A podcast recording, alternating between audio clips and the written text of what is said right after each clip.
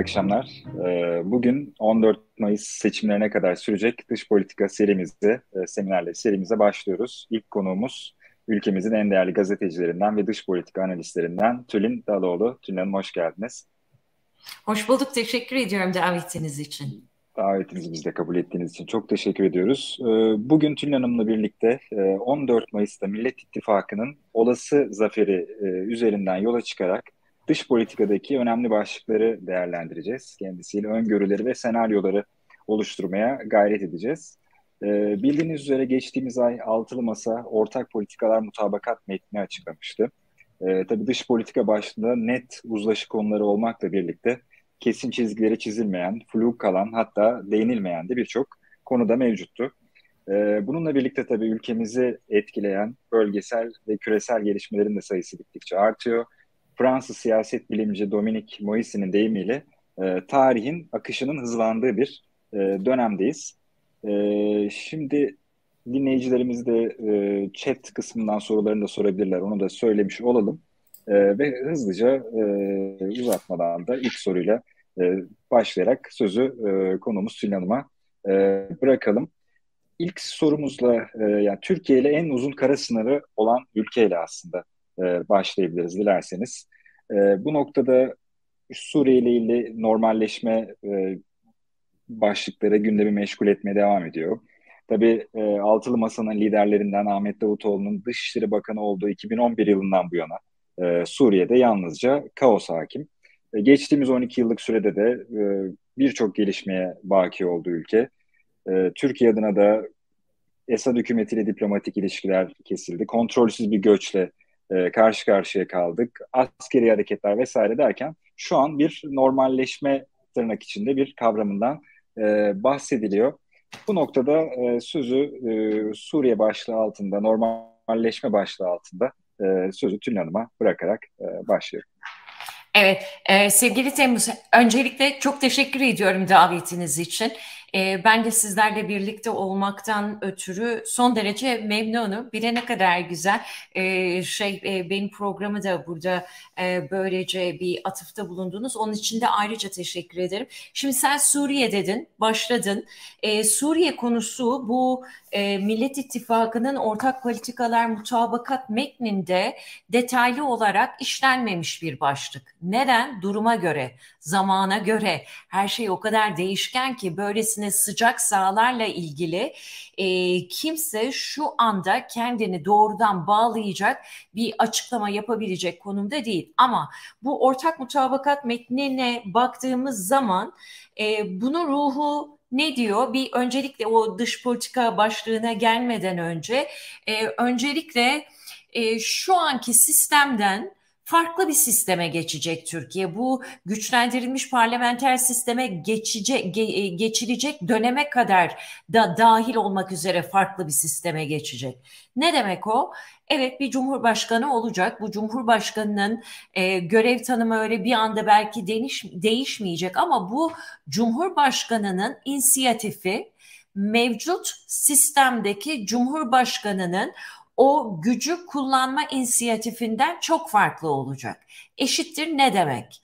Bakanlıklar yine e, kendilerine göre o hükümet politikası içerisinde e, farklı duruşlarını veyahut da duruşları her neyse onu e, savunmak, onun üzerine politika üretmek üzere daha bugünkü görmediğimiz veya 2000'lerde doğmuş çocukların hiçbirinin bilmediği bir şekilde kendilerince politika yapabilecek bir hale gelecekler. Bunu 2000'lerden itibaren doğmuş bugün 20'lerini yaşayan e, genç e, vatandaşlarımız bilmiyorlar. Ama böyle bir sisteme gidecek. Bu da ne demek? Bugünden bilmediğimiz 1 milyon dolarlık e, şey mi? Hani e, soru mu demek lazım bilemedim ama e, ola ki e, bir iktidar değişikliği olacak olur ve Cumhur İttifakı yerine Millet İttifakı ittifak olursa iktidar olursa o zaman bu Millet İttifakı'nın dış e, işleri bakanı kim olur? İşte o son derece önemli olacak. Neden? Çünkü işte bu mevcut sistemden farklı olmak üzere o Dışişleri Bakanı'nın da ruhunu, tarzını, politika yapma şeklini bizlerin e, bir görmesi gerekiyor. O ayrışımı yaşayacağız. Şimdi bilmediğimiz üzerinden yorum yapmak son derece riskli bir şey. Hele ben gazeteci olarak risk analizi yaparım ama riske girmeyi çok sevmeyen de bir gazeteci tarafım var. O yüzden ben size hemen şu şeye getirmek istiyorum. Yine ortak politikalar mutabakat metninin ruhuna getirmek istiyorum ve Suriye bazlı sorduğun için o Suriye bazlı sorduğun sorunun burada cevabı yok. Ama burada bir felsefe var. Dış politika diyor. Dış politikamızın mihenk taşı olan yurtta barış, dünyada barış yarını yeniden temel dış politika ilkemiz olarak benimseyeceğiz diye bir başlangıç yapıyor. Şimdi bunun temel hedefi nedir diyor? Ulusal çıkar ve ulusal güvenliğimiz olacak. Bu anlayışa uygun kısa, orta ve uzun vadeli gelecek perspektifi içeren stratejik planlamayı yapacağız diyor. Şimdi burada duralım. Bu Suriye'ye nasıl uyarlanabilir?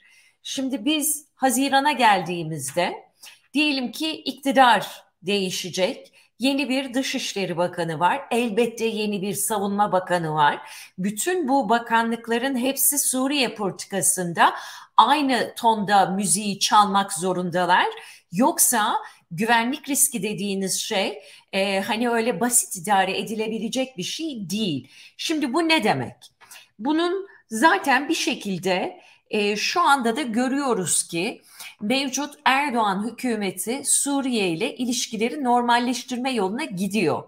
Ancak mevcut iktidarın o kadar fazla bagajı var ki o bagajla birlikte o normalleştirmek için gittiği masaya istekli olsa da masanın diğer bileşenleri aynı oranda istekli değil. Açalım lafı. İşte geçtiğimiz haftalarda e, Dışişleri Bakan Yardımcılarının Moskova'da katılacağı bir toplantı vardı.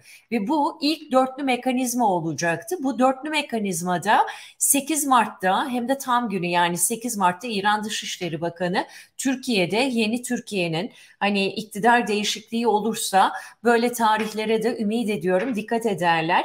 İranlı kadınlar bu kadar baskı altındayken sokaklarda protestolarda bu kadar insan ölmüşken Mahsa Amini bir kadın saçının iki teli gözüktü diye e, irşat polisi, ahlak polisi tarafından derdest edilip o e, polis arabasına alınıp ondan sonra hayatını kaybetmişken onun akabinde o protestolar çıkmışken 8 Mart'ta İran Dışişleri Bakanı'nı e, Ankara'da ağırlamak e, kötü bir mizansen. Yani bize şaka gibi geliyor. Ümit ediyorum böyle bir şey tekrarlanmaz. E, bu ülkelerin değerlerini de tekrar e, gösteriyor çünkü. Hani şimdi diyoruz 6284'e aman dokunmayın falan ama işte bunların hepsi o bir yerlerde böyle sembolik olarak ortaya çıkabiliyorlar. Ama neyse. Şimdi o İran Dışişleri Bakanı e, Amir Abdullahiyan'ın Ankara temasında e, Ankara'dan talebi olmuş ki biz de bu sizin 28 Aralık'ta Moskova'da yaptığınız ilk üçlü zirveye biz de katılmak istiyoruz. En nihayetinde biz de bölge ülkesiyiz. Bence teklif son derece rasyonel ve mantıklı bir teklif. O masanın artı eklenmesi gereken e, e, güçleri var. Onlar da zamanla eklenirse daha sağlıklı, daha kalıcı bir yöne doğru gideriz. Ama o açılımı yaptıktan sonra bir baktık Ankara son derece istekli. Zaten basın toplantısında e, Dışişleri Bakanı Mevlüt Çavuşoğlu İran'a bu yönde olumlu cevap verdiklerine ve hemen ilk etapta Moskova'da bu toplantının dörtlü mekanizmanın toplanacağını söyledi. Sonra bir baktık ki bu Ankara'dan geliyor açıklama işte e, Dışişleri Bakan Yardımcısı Burak Akçapar e, beraberindeki heyetle birlikte işte Moskova'ya gidecek. Suriye Dışişleri Bakan Yardımcısı ve İran'dan işte bir hani üst düzey bir bakanlık görevlisi aynı şekilde Rusya'dan da öyle diyerek işte bir katılım olacak ve bu toplantı başlayacak diye. Sonra bir baktık Ankara'dan açıklama geldi. Diğer her yerden bir sus pus. İran dahil olmak üzere. Şimdi acem politikası dediğimiz şey böyle. Sizi bir deniyorlar. O denedikleri zaman ondan sonra oraya nasıl gidiyorsunuz bilinmiyor. Şimdi lafı daha fazlasıyla uzatmayayım. Bir Suriye'de askerlerimiz var.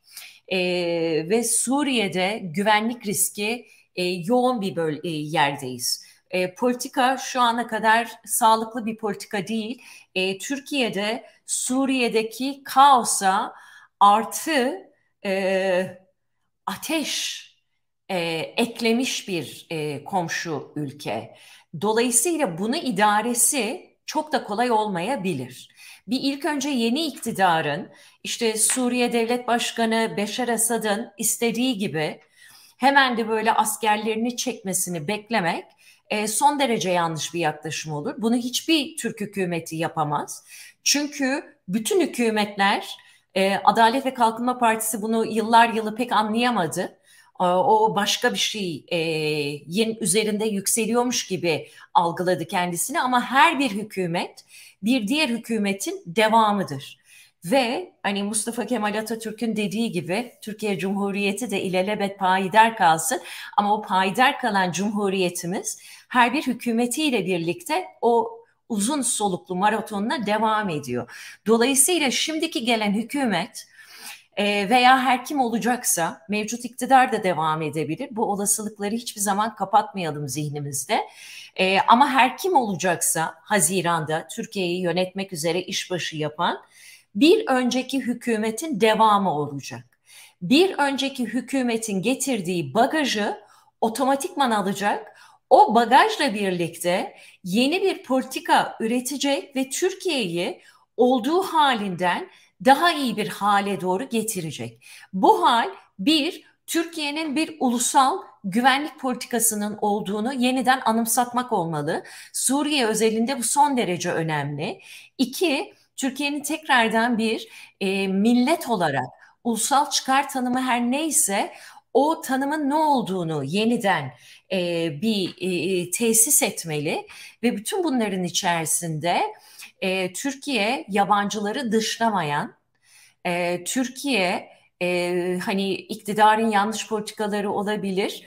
O yanlış politikaların içerisinde göç politikasında e, çok ciddi güvenlik e, zafiyetleri vardı. Bunlar yanlış. Ancak yanlış yapılmış politikalar yüzünden memleketimizdeki var olan Suriye başta başka diğer herhangi bir yabancı ülkeden e, gelen, mecbur sığınmak zorunda kalan veya gönüllü olarak Türkiye'de olan hiç kimseye dışlayıcı bir politikaya doğru da yönelmemeli. Önemli olan burada bütün bunları acaba sağlıklı olarak nasıl idare edebiliriz?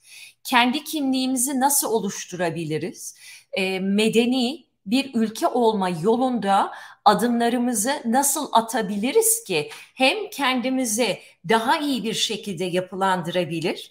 Bu Suriye'deki yanlış politikalar yüzünden ülkemizdeki oluşan e, sadece PKK terör riski yok. Onun dışında çok daha farklı terör riskleri var. Bu risklere karşı kendimizi daha korunaklı ha, nasıl bir hale getirebiliriz diye çok ciddi başlıkları konuşmak zorundalar. Bu başlıkları konuşmak öyle hemen devir teslim oldu ve biz de kararı aldık denilebilecek hafiflikte başlıklar değil. Keşke o kadar hafif risklerimiz olsaydı. Onlar değil ama yönü bilmek çok önemli. O yüzden Suriye ile başladığınız son derecede önemli bir başlık. Ama işte günü geldiğinde, saati geldiğinde bakalım İranlılar oyunu nasıl kuruyorlar? Ruslar ne yapıyorlar? Ruslar o zamana kadar Ukrayna'da hangi konumdalar? E, Kafkasya'ya baktığımızda eski Sovyet Cumhuriyetlerine baktığımızda orada daha başka hareketli olan sahalar olmaya başladı. Onlar ne şekilde şekilleniyor? Onların hepsini bugünden kestirmek kolay iş değil. Dolayısıyla her kim yeni Dışişleri Bakanı olacaksa son derece zor ve çetin e, bir e, bakanlık süreci onu bekliyor diyebiliriz. Ama o adı da beklememiz lazım. Bakalım kim olacak o isim. evet. Merakla bekliyoruz tabii bu konuda her iki siyasi partinin de e, olası adaylarını, olası e, profillerini. Ee, az önce bahsettiğiniz bu bagaj meselesine belki küçük bir katkı da ben yapabilirim. Ee, Suriye'ye, İran'a değindiniz e, her ne kadar Suriye, Libya konuları kadar dikenli konular olmasa da Mısır'la ilişkilerimiz de benzer şekilde bagajın e, bu, bugüne aktarıldı ve bugünden de yarına aktarılacağı e, başlıklardan bir tanesi.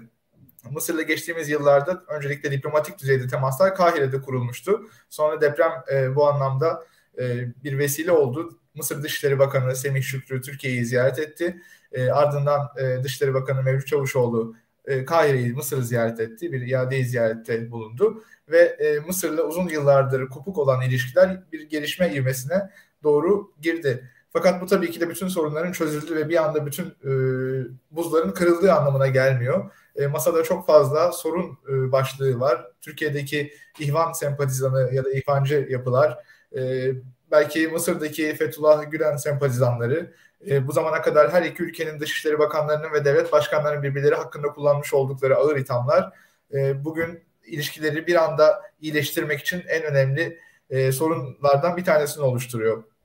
Bunun yanı sıra Avrupa Birliği ile affedersiniz Avrupa Birliği ile ilişkilerimizde de benzer e, bir bagaj söz konusu. E, en son geri kabul anlaşması söz konusuydu. Siz de değindiniz göç konusunda Türkiye'nin e, yüzüne bir leke sürmemek gerekiyor. Yeni dönemde her iki her iki olası iktidar senaryosunda da Avrupa Birliği ile de önümüzde 2015 zannediyorum yılında imzalanmış olan bir geri kabul anlaşması var. Ve bu Avrupa Birliği için Türkiye ilişkilerinin merkezi e, başlıklarından bir tanesi, merkezi e, önemdeki e, konulardan bir tanesi. Sizce yeni dönemde Avrupa Birliği ile ilişkilerimizde bir e, ivme yakalanabilecek mi? E, geri kabul anlaşması bu anlamda nereye konulacak, e, sürdürülebilecek mi? E, şimdi Mısır dedin, ondan sonra Avrupa Birliği ve geri kabul e, dedi. Şimdi şöyle bir Mısır'la başlayalım. E, Mısır önemli. Elbette Dışişleri Bakanlarının hani o iyi niyet e, deprem e, diplomasisi e, gereğince yaptıkları ziyaret de bence son derece anlamlı ziyaretler bunlar. Ancak Mısır'la ilişkilerin normalleşmesi, İsrail'le ilişkilerin normalleşmesi e, kadar kolay değil. E, İsrail birazcık daha farklı olaylara yaklaşabiliyor e, daha e, sert darbeleri almaya alışık. Çünkü onun pratiğinde öyle bir şey. Ancak bu Mısır için aynı şekilde e, geçerli değil. İki ülkede Müslüman çoğunluğa sahip, nüfusa sahipler. Ancak Türkiye'nin işte son 20 yıldır ama elbette 2011'den itibaren Arap ülkelerindeki bu e, to, halkların isyanıyla başlayıp ve işte o statükonun son bulmasına e, mecbur bırakan o dönüşümlerden sonraki pozisyonu son derece ideolojik bir pozisyon. E, şimdi e, Türkiye böylesine ideolojik bir e, dış politikaya yönlendikten sonra Şimdi Mısır Devlet Başkanı Sisi ile ilişkileri normalleştirmek istediğinde o ideolojik yapılanmasının e, hata olduğunu da söylemiyor.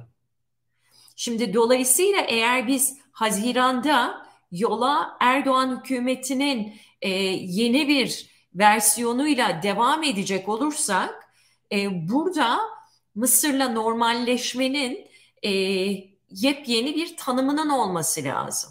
Yani orada tarafların birbirini e, daha e, e, dar kapsamlı tanımlar üzerinden e, konumlandırıp ona göre adımlar atması gerekir. Her halükarda o ilişkiler bir yolunu bulur ve normalleşir ama tanımlar farklı olur. Ola ki Millet İttifakı e, sandıktan e, çıkarsa o zaman da e, elbette o Millet İttifakı'nın ideolojik bir bagajı olmadığı için sayfa çok daha farklı bir yerden açılabilir. O zaman öyle bir e, rahat nefes alma olasılığı olur. Ama yine de unutmayalım her hükümet bir öncekinin devamıdır. Her ne kadar biz 20 yıl içerisinde bunu sadece geçmiş hükümetleri karalamak için kullandık ama yeni zamanda eğer ki bir değişim olursa öncelikle bu geçmiş hükümetlerin getirdiği bagajları böyle emme basma tulumba gibi günlük gündemde tutmak yerine evet bu önümüzdeki tablo buna bakalım bundan ne yapacağız diye çok daha farklı bir zihinsel yapıyla bu konuya yaklaşmamız lazım. Olanımız bu çünkü. Hani bunun üzerinde çok fazla dövünüp birbirimizi daha fazla incitmeye bence gerek olmaması gerekiyor. Ki ülkelerle de ilişkilerimizi normalleştirme yoluna gittiğimizde daha çözüm odaklı kendimizi masaya oturtabilelim. Yani bunun iki taraflı şeyi var çünkü hani kırılgan zemini var. Orada çok dikkatli gitmemiz gerekiyor. O yüzden iletişim diline de dikkat etmek gerekiyor. Bu benim yaklaşımım tabii ki. Şimdi o anlamda Mısır'la evet hani iki taraflı başka bir şey olur. Avrupa Birliği dediğimiz zaman e, Erdoğan hükümeti eğer yeni bir sayfa açacak olursa Haziran'da Avrupa Birliği'ni unutun. Yani onun başka bir tarafı yok. Çünkü Osman Kavala, Selahattin Demirtaş iki siyasi tutuklu. Erdoğan e, hükümeti de orada siyasi bir karar aldı. Bu mahkemeler e, tarafından hani bir şekilde yürütülüyor ama Avrupa İnsan Hakları Mahkemesi'nin de verdiği bir e, tavsiye kararı var ve ilk defa AHİM tavsiye kararının ötesinde bir şey söyledi. Hani orada da nüanslara dikkat etmemiz gerekiyor.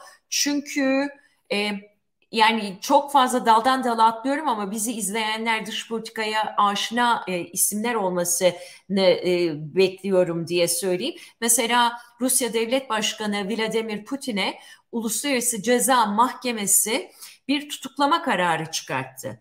E, bu tutuklama kararı hani Ukrayna'daki savaşın sonunu görmek için faydalı mıdır değil midir diye tartışmayı koyun kenara. Uluslararası Ceza Mahkemesi'nin kendisi son derece e, siyasi bir yapılanma. Kararları da siyasi kararlar. Mesela 2021'de İsrail'e savaş suçlusu olduğu yönünde bir dava açılmak istendi. Sonra Amerika res çekti. O işte zaten Uluslararası Ceza Mahkemesi'nin bir tarafı değil. Ama ondan sonra bir baktık her şey e, saman altı oldu gitti mahkeme hiçbir yere varamadı. Şimdi bu siyasi bir yapılanma ama Avrupa İnsan Hakları Mahkemesi böylesine bir siyasi erozyona uğramamış bir mahkeme. Bunun da gerekçesi var. Neden? Çünkü ahim karar verdiğinde bu kararı sadece bir dosyayı önüne alıyor ve dosya üzerinden değerlendirme yapıyor ve ondan sonra ülkeye diyor ki bak biz bunu bunu böyle böyle gördük bunu tekrar değerlendir. Şimdi o davayı alıp ben bu davayı gördüm sen haklısın haksızsın demiyor. Onun yaklaşımı çok daha farklı bir yerden oluyor. Tazminat davalarına geldiğimiz zaman bütün bunların hepsinin tüketilmiş olduğu anlara geliyoruz. Dolayısıyla hani mahkemenin yapılanması mahkemeye de zeval gelmemesi için son derece önemli. Şimdi Türkiye Avrupa İnsan Hakları Mahkemesi'nde yaşadığı bu hani Osman Kavala ve Selahattin Demirtaş yargılaması üzerinden aldığı yolla Avrupa Konseyi'nden dışlanma noktasına geldi. Erdoğan hükümeti tekrar seçilecek olursa artık bu geri dönüşü olmayacak bir yola girecek. Millet İttifakı ola ki Haziran ayında e, hükümet kurdu. Bir öncelikli olarak geçen gün e, CHP dış politika baş danışmanı Ünal Çeviköz politikaya bir e, demeç verdi.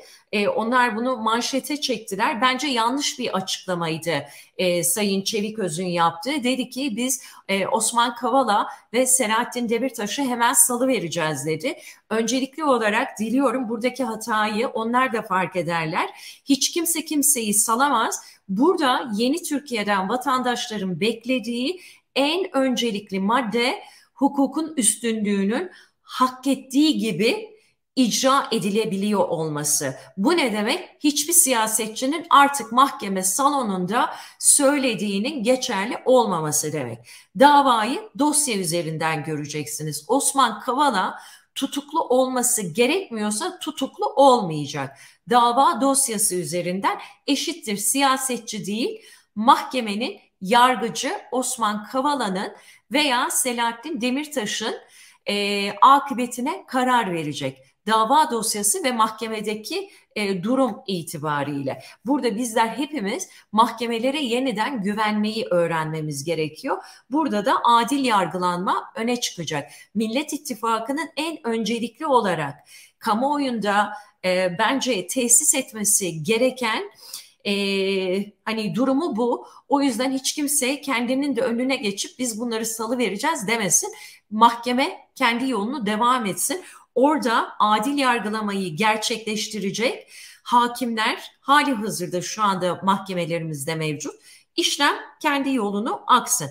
Dolayısıyla bir orada hani o mahkeme süreci zaten kendi yolunda aktığında yani üç aşağı beş yukarı hepimiz bugünden anlayabiliyoruz ki e, hakim e, bu kişilerin salı verilmesi yönünde e, bir adım atabilir. Ama onu da mahkeme kararını bekleyelim, onu da ondan sonra görelim. Fakat öyle bir şey olduğunda, öyle bir sisteme geçtiğimizde gerek Avrupa İnsan Hakları Mahkemesi gerekse Avrupa Konseyi e, Türkiye'nin şu anki konumunu daha farklı değerlendirecektir. Eşittir, Türkiye'ye yeni bir kredi açılacak.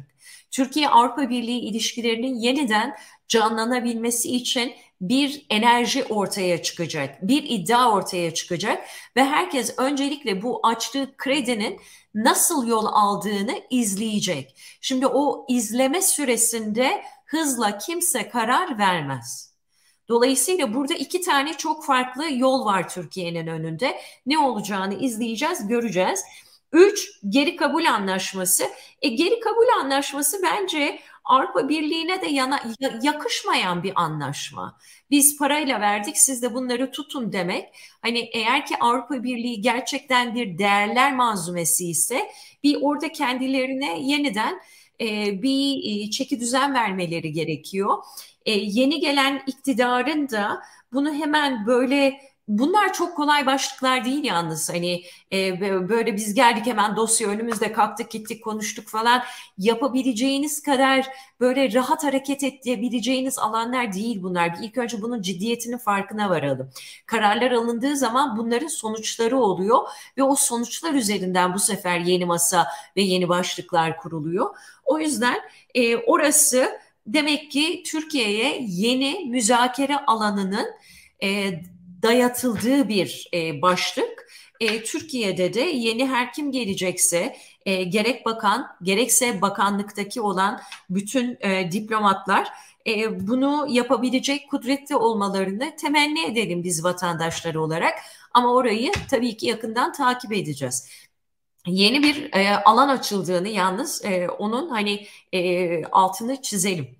E, Erdoğan hükümetiyle devam ettik ne oldu? Millet İttifakı geldik devam ediyoruz ne oldu? Bunların ikisi de çok farklı şeyler. Erdoğan hükümeti geldi e, bence case closed hani gerekli konuşmaya bile bence gerek yok ama Millet İttifakı ile geldiğimizde yeni bir sayfa açılıp orada yeni bir e, kredi açılır belli bir zaman diliminde de beklenilir. Türkiye acaba nasıl yol alıyor, kendini nasıl idare ediyor, Avrupa Birliği ile ilişkilere nasıl bakıyor diye bütün taraflar belli bir süreyi karşılıklı olarak birbirine tanıyacaktır diye öngörebiliriz. Buyurun. E, teşekkür ederiz Tülin Hanım. E, şimdi konuyu e, biraz Atlantin ötür taşıyabiliriz dilerseniz. Türk-Amerikan ilişkilerine geç. E, tabii son yıllarda hani temel konu başlığı sadece aslında Türk-Amerikan ilişkilerinde gerilimler, olumsuzluklar oluşturuyor.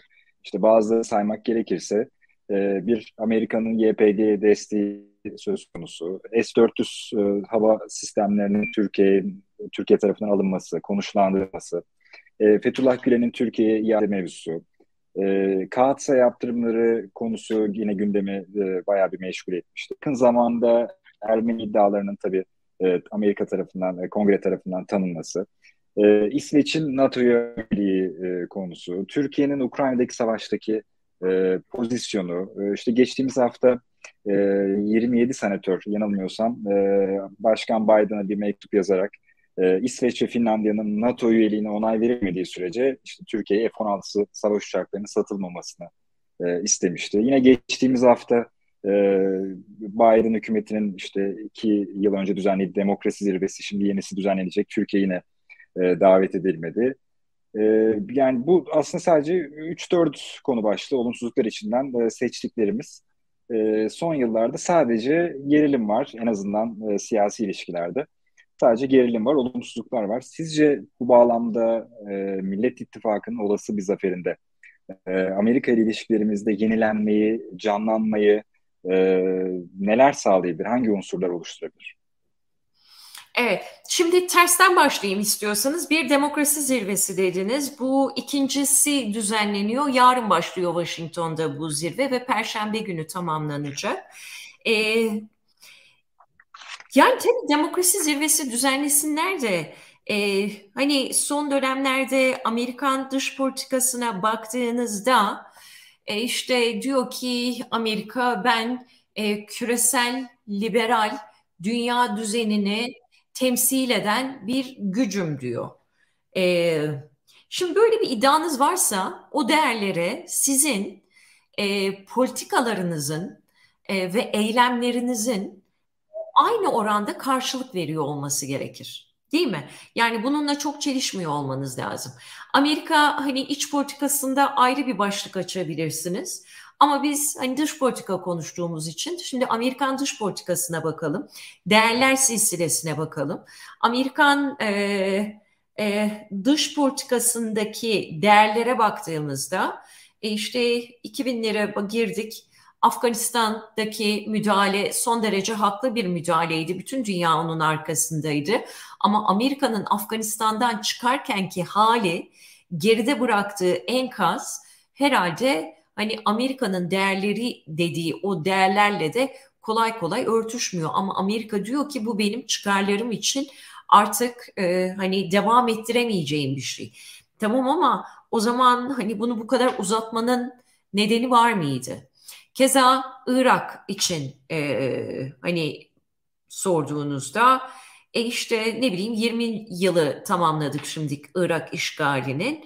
O Irak işgaline baktığımızda Amerika'nın işte çeşitli iddiaları vardı. Diyordu ki burada kitle imha silahları var. E, Saddam Hüseyin e, 11 Eylül 2001 Amerika'ya e, gerçekleştirilen e, bu en hain terör saldırısının e, düzenleyen El-Kaide terör örgütüyle ilintili olan birisi. O zaman biz işte Irak'a müdahale edeceğiz. Çok güzel bütün hepsi yalan oldu. Hiçbir iddia gerçek çıkmadı. E, Irak'a bir demokrasi geldi mi? E bilmiyorum yani demokrasi öyle kolay bir şey de değil. Hani bir şeyler geldi ama onun adına ne şekilde dememiz gerekiyor. Hani bilinmez. İşte kimisi diyor ki işte Saddam dönemini özlüyoruz. Kimisi diyor ki şimdilik daha iyi. Neye göre, kime göre? Bu bedelleme olmalıydı. Bunların hepsi aslında hepimizin aktif olarak sorması gereken sorular. Değer başlığı dediğiniz zaman bunlar son derece önemli. Çünkü tam da o değer başlığı üzerinden Amerika'ya e, dünya halklarının çok ciddi itirazı var. Ama Amerika diyor ki hayır ben hali hazırda küresel gücüm, bütün ipler bende ve dünya benim etki edeceğim e, bir e, küresel köy aslında. Benim dediğim gibi yön alacaksınız. Benim dediğim gibi benim çıkarlarım üzerinden ancak kendi ticari emellerinizi, enerji emellerinizi, ekonomi hedeflerinizi, işte ne bileyim e, e, deniz nakliyatınızı, deniz ticaretinizi, onuzu bunuzu hepiniz hepsini benimle uyumlu olarak yapacaksınız. Ancak ondan sonra sizinle hemfikiriz diyor. Şimdi bu değer bazlı olmakla alakalı bir şey değil. Yani böyle bir küresel liberal düzen olmuyor. Buna Joseph Nye e, mesela çok e, hani e, tatlı bir itirazda bulunur ve der ki Hani Amerika dünyanın geri kalanına böyle güç empoze ederek liberal güç olamıyor. Ancak hani güçleri birleştirip hep birlikte bir dünya düzeni yaratmak isterse ancak o zaman bir şey olabilir diyor. E ama işte öyle bir düzen var mı? E yok yani öyle bir düzen. O yüzden o demokrasi zirvesine e, bilemiyorum. Yani davet etmişler etmemişler. E, onlar kendileri bilirler. Ben 12 yıllık Washington deneyimimden e, bildiğim kadarıyla Erdoğan iktidarının e, görevde kalması, e, iktidarını perçinleştirmesi, güçlendirmesi hususunda da Amerika'nın son derece e, kıymetli desteği var. Yani hiç yabana atılacak bir destek değil o. Dolayısıyla e, işte hani ne bileyim onu orada bırakayım. Herkes kendi artık ne diyorsa e, desin. E, buradan şeye geçelim. Bu S-400 meselesine geçelim. Şimdi S-400 meselesinde Türkiye evet yanlış adım attı. Çünkü bu büyük güçlerin hepsini kendim idare ederim dedi. Kendisine çok fazla güvendi Erdoğan hükümeti Türk dış politikasını e, şekillendirirken. Ama gördük ki hiç de öyle değil. E, bir yerde hani Amerika hakikaten küresel bir güç değerler bazından değil ama askeri bakımdan baktığınızda dünya ekonomisine e, dolarla empoze ediyor. Şu anda dolar hali hazırda bütün dünya piyasalarını e, en başat e, döviz kuru. Yani dolara rakip olabilecek bir döviz kuru şu an henüz daha dünya piyasalarında yok. Avro da yok. Başka hiçbir para birimi de yok. Dolayısıyla Amerika'yı öyle kolay kolay ekarte edemezsiniz. Demokrasi başlığı açtığınızda başka bir yere gidiyoruz ama hani real politikten baktığınızda bir askeri güç, iki hani dolarizasyondan baktığınızda evet Amerika hakikaten çok ciddi bir güç. Şimdi burada e, Türkiye e, hesabı doğru yapmadı ve Rusya'ya doğru meyletmek zorunda kaldı. Türkiye'nin belli iç politik açmazlarından dolayı öyle bir adım atılmak zorunda kaldı. E, fakat bu S-400 konusunda işte geçenlerde, geçen hafta içerisinde e, Rus Nezavismaya gazetesinde çıktı bir haber. E, o habere göre Türkiye bu S-400'leri üçüncü ülkeye satmak üzere Moskova'dan izin istiyormuş. E, Moskova da bu izni vermiyor. Şimdi bunu biz Ukrayna Savaşı'nda da biliyorsunuz çok fazlasıyla görüyoruz. E, ülkeler birbirlerinden aldıkları e, savunma sanayi ile ilgili ne bileyim işte mermiydi, e, tanktı, işte başka tür çeşitli silahtı, oydu buydu. Başka bir ülkeden aldı. Kendi envanterinde var. Ama o envanterindeki olanı üçüncü ülkeye gönderebilmesi için satın aldığı ülkenin izninin olması gerekiyor. Şimdi bu izni S-400 konusunda Moskova Türkiye'ye vermiyor. Hayır diyor ben bunu sana sattım bu bir tek sende kalabilir diyor. Bu Türkiye'nin elini kolunu bağlıyor. Hani Türkiye'de bunu böylece nereye ne yapacağını bilemiyor. Eğer ki Moskova o izni versin inanın yani e, izni verdiği anda kapıdan çıktı bilin o S-400'leri. Hani Ankara'da onlardan o kadar sıkılmış durumda ama Moskova konunun çok farkında olduğu için öyle bir izni vermiyor. İzin olmadan da kimse onu alamaz. Alan yanar. Hani o durumda o da ne yazık ki kötü bir açmaz da o açmaz ne kadar sürer? E, bilmiyorum. Kimileri işte bu hafta içerisinde çok kıymetli bir akademisyenimiz yazdı. İşte Hindistan'a gidebilir falan diye. E, Moskova izin vermediği müddetçe Türkiye öyle kendi kafasına eserek onu kimseye gönderemez. E, o yüzden onu unutun. Şimdilik henüz daha Moskova'dan öyle bir izin yok. E, katsa yaptırımları yani olabilecek en hafif bir şekilde etkileniyor Türkiye. Ama ne yazık ki işte bu yaptırımlara maruz kalmak zorunda kaldı. Onu yeni hükümet geldiğinde tabii ki politikalar değiştiğinde e, daha farklı bir yöne doğru gidebilir. Ama ne kadar farklı yöne doğru gitmiş olsa da tekrarlayacağım çünkü bunu hakikaten kimsenin unutmaması gerekiyor. Yeni iktidar demek bir anda ortalık böyle güllük gülistanlık her şey çok harika ve kolay olacak değil. Hayır Türkiye'yi çok zorlu ve dimdik bir yokuş bekliyor. Çünkü biraz zorlayacaklar. 20 yıllık bir serüven var ve bu 20 yıllık serüvende e, her kim yeniden iktidar olacaksa e, veya e, yeni bir iktidar kuracaksa ona belli dayatmalar mutlaka olacak. Çünkü bu e, hani herkesin de zorlandığı bir dönem. Yani kimse için işler o kadar kolay değil. E, Türkiye'yi de birazcık zorlayacaklar ama zorlarken zorlamanın parametresi farklı olacak sadece. E, o yüzden hani vatandaşlar da beklentilerini kurarlarken hani bir orayı e, şey e, biraz e, TÜİK misali kursunlar. E, çok fazla aşmayın hani o beklentileri çünkü herkes için hakikaten zor. Yeni iktidar gelecek olursa İsveç'in e, NATO üyeliği yani İsveç'in NATO üyeliğine baktığınız zaman Erdoğan iktidarı da hani başımızda kalsa o da onaylanacak. O yüzden o bence hani artık e, şey çok fazla üzerinde durulması gerekmeyen bir başlık. Ama İsveç'in NATO üyeliğiyle ilgili başlıklara baktığımızda işte yenilerde ben de e, KRT televizyonunda yapacağım onun haberini ama haberin birazcık olgunlaşmasını bekliyoruz. Sadece size şöyle bir başlık açabilirim. Her zaman parayı takip edin. E, bu dünya düzeni öyle bir dünya düzeni. Kapitalist dünya düzeninde yaşıyoruz. İşte şimdi Amerika'da gördük iki banka batıyor.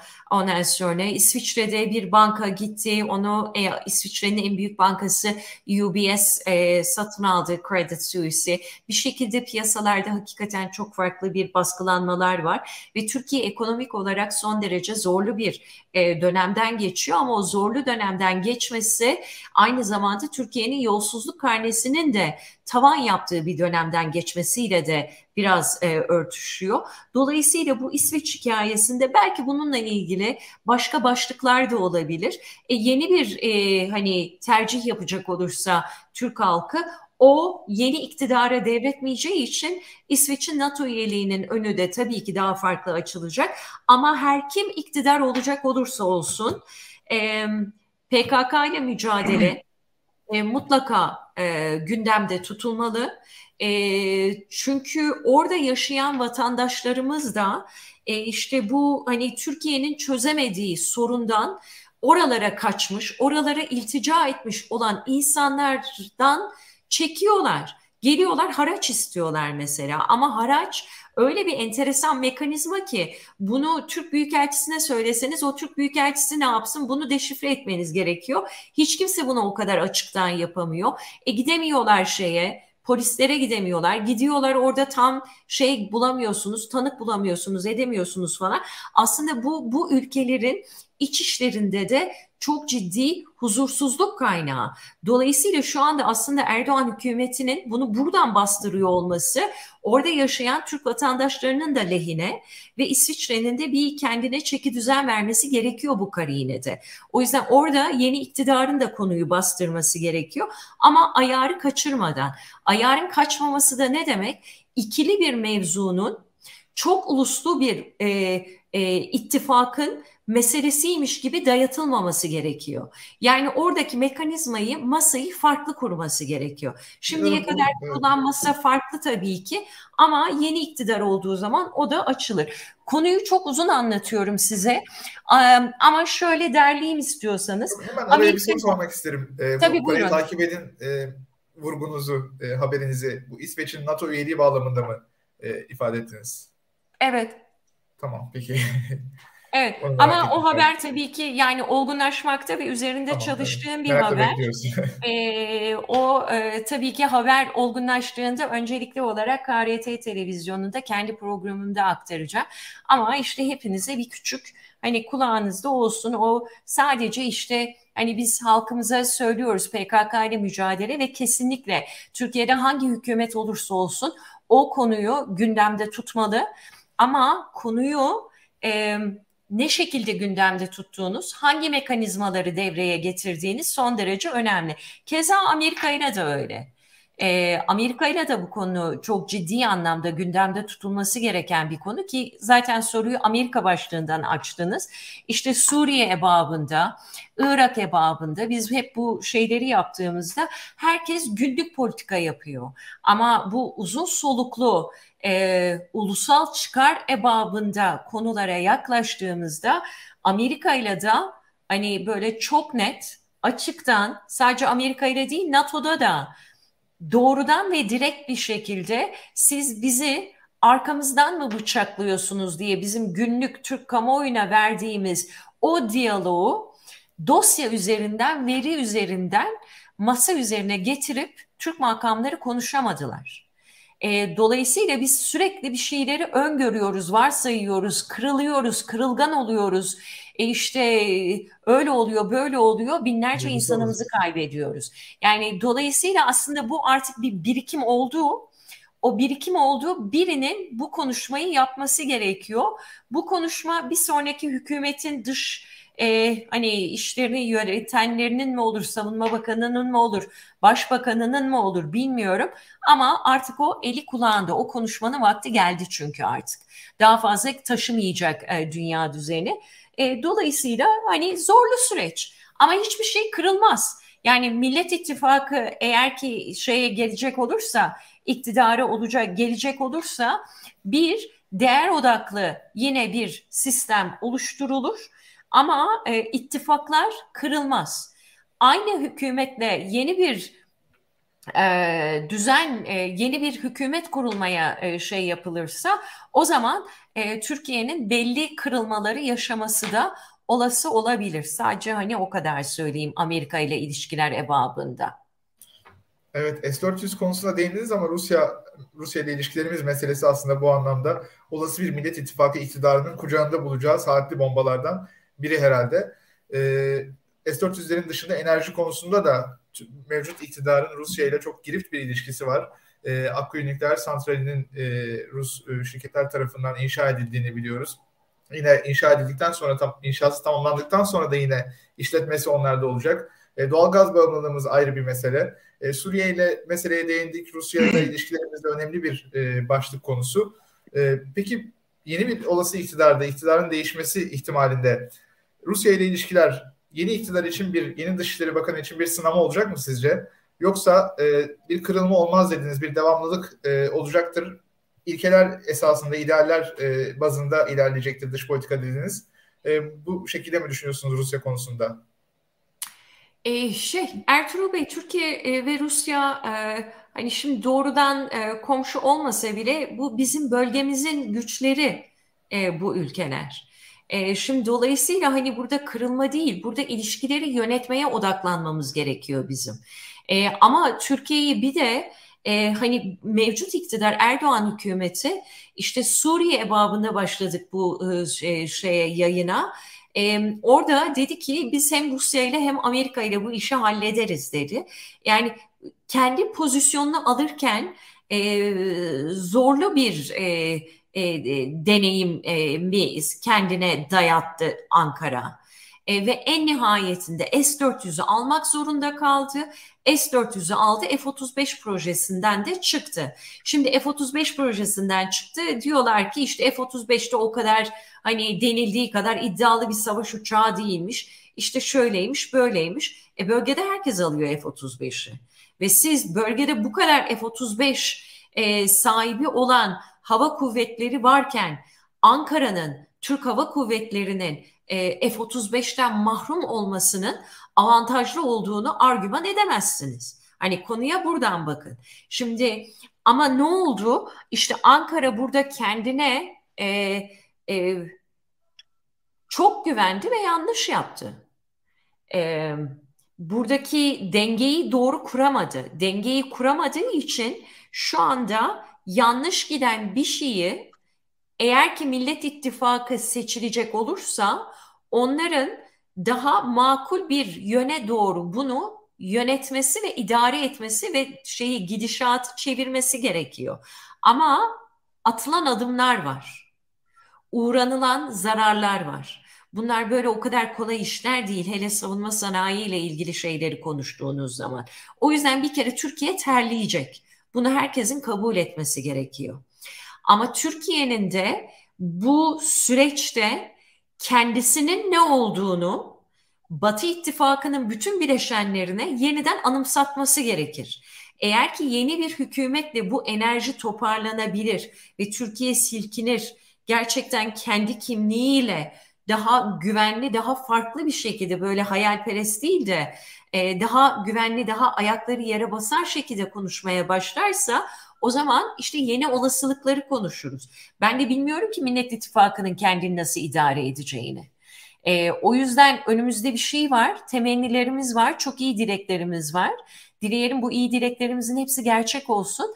Ama bu iyi dileklerimizi eğer ki doğru kullanmazlarsa e, hani iş karışık. E, bunların hepsinin farkında olalım. O yüzden hani şeyleri cevaplarınızı verirken belki yani duymak istemediğiniz frenleri işliyorsunuz benden. E, ama bu frenlerle konuşalım, ümitli olalım. E, ama nasıl idare edeceklerini bilelim ve hiçbir zaman hiçbir gücü karşımıza almayalım. Hani yurtta sulh, e, dü- e, dünyada sulh dediğimiz zaman burada karşıtlık esasından hele ki hele ki e, kendi bölgemizdeki olan büyük güçlerle, askeri gücü olan, nükleer gücü olan ülkelerle zıtlığa düşmenin hiçbir zaman Türkiye'nin çıkarına olmadığını da bilelim. Sadece bunu idaresini doğru yapmamız gerekiyor. Şu an Ankara e, biraz Moskova'dan yana meylediyor. Ukrayna'ya her ne kadar işte o bayraktar İHA'ları falan satılmış da olsa e, bir zaman bayraktar dediğiniz zaman Ukraynalılar çok güzel şarkı söylüyorlardı.